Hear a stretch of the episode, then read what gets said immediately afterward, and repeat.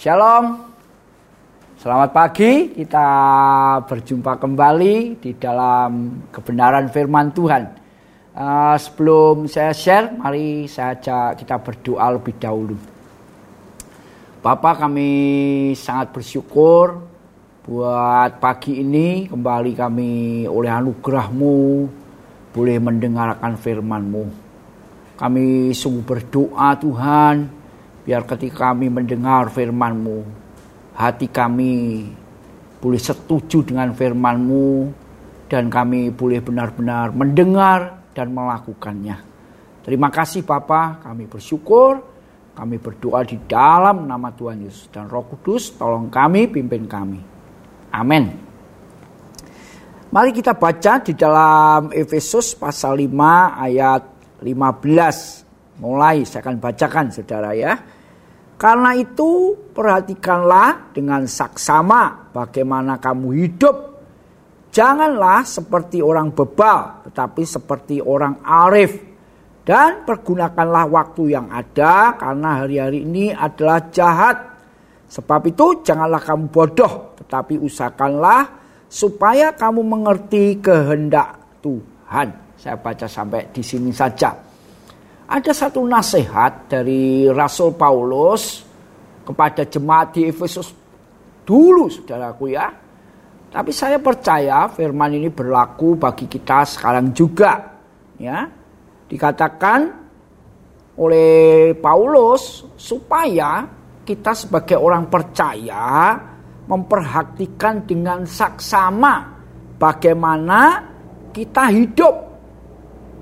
Ya saya ini hari-hari ini benar-benar merenungkan setiap uh, Alkitab yang saya baca saudaraku ya. Dan hari-hari ini saya pembacanya sampai kepada 3Y, kitab 3Y ya. Yesaya, Yeremia dan Yeskiel. Dan kalau saya membaca ini saya sering kali merenung Tuhan. Kenapa ya umat pilihanmu itu begitu luar biasa bebal, tegar tengkuk luar biasa.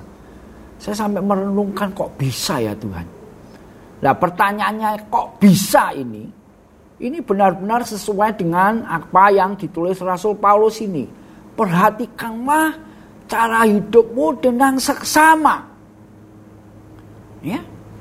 Kalau kita sebagai orang percaya kepada Yesus Tuhan, kita harus memperhatikan hidup kita ini benar-benar sesuai enggak dengan apa yang Tuhan mau. Ini yang penting saudaraku. Ya. Bangsa Israel selalu menjadi contoh di mana mereka bahkan ditulis oleh Alkitab mendengar suara Allah sendiri. Ya. Waktu di Gunung Sinai itu. Tapi mereka toh ya berani membuat lebu emas saudaraku ya.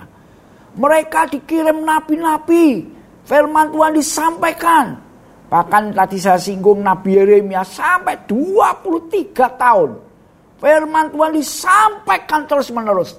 Tapi bangsa ini tidak mau mendengar firman Tuhan. Itu artinya hidup mendengar firman Tuhan tapi hidupnya tidak mau bersesuaian dengan firman Tuhan. Nah oleh nasihat Paulus ini katakan Perhatikanlah dengan saksama bagaimana kamu hidup. Janganlah seperti orang bebal, tetapi seperti orang arif. Ya, bangsa Israel kembali itu contoh yang real. Mereka bebal, ditegur, dinasehati, diberi firman, diberi janji-janji, tapi mereka abaikan semuanya. Akibatnya fatal. Dan saya hari-hari ini mendorong kita semua yuk seperti nasihat Paulus ini Perhatikan dengan saksama. Saya percaya saudara dan saya ini begitu sering mendengar firman Tuhan. Ayo pertanyaannya apakah kita ini punya kerinduan untuk hidup di dalam firman itu saudaraku. Ini menjadi pertanyaan dan harus ditanyakan kepada hidup kita masing-masing supaya apa? Supaya kita menjadi lebih perhatian lagi di dalam hidup ini iya ya aku ini sudah hidup sesuai dengan firman Tuhan atau belum.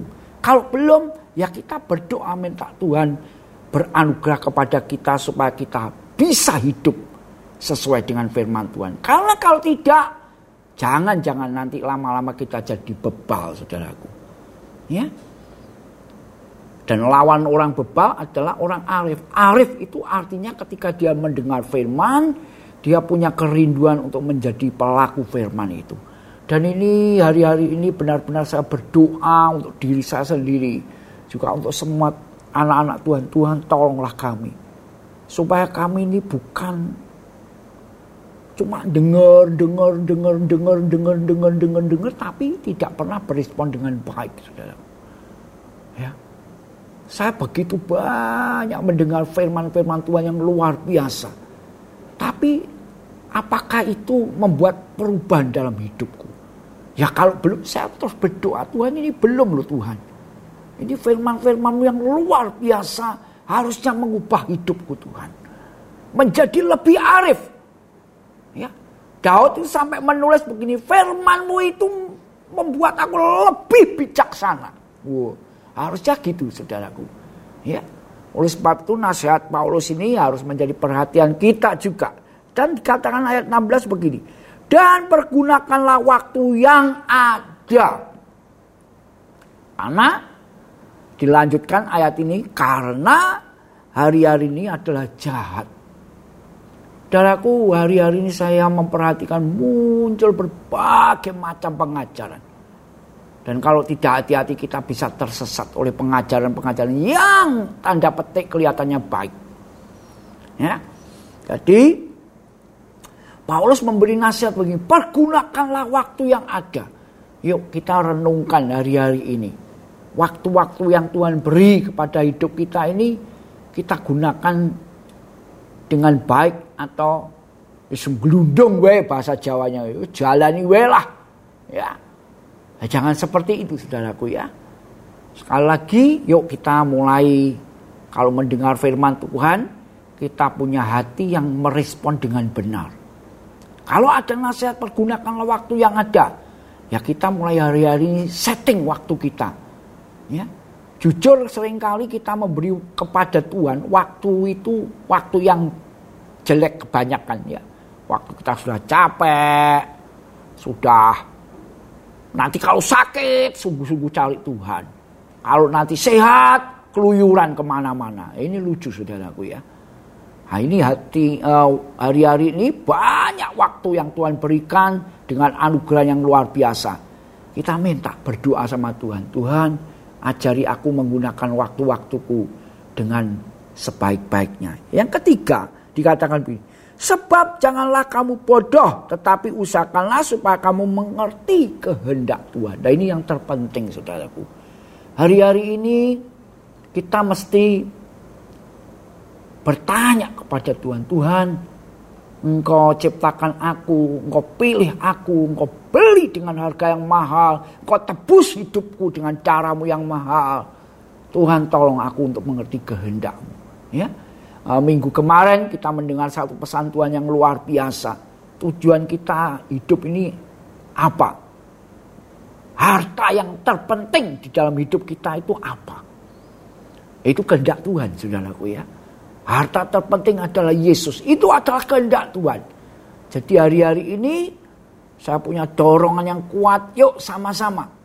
Hari-hari ini. Satu. Memperhatikan dengan seksama hidup kita. Dua.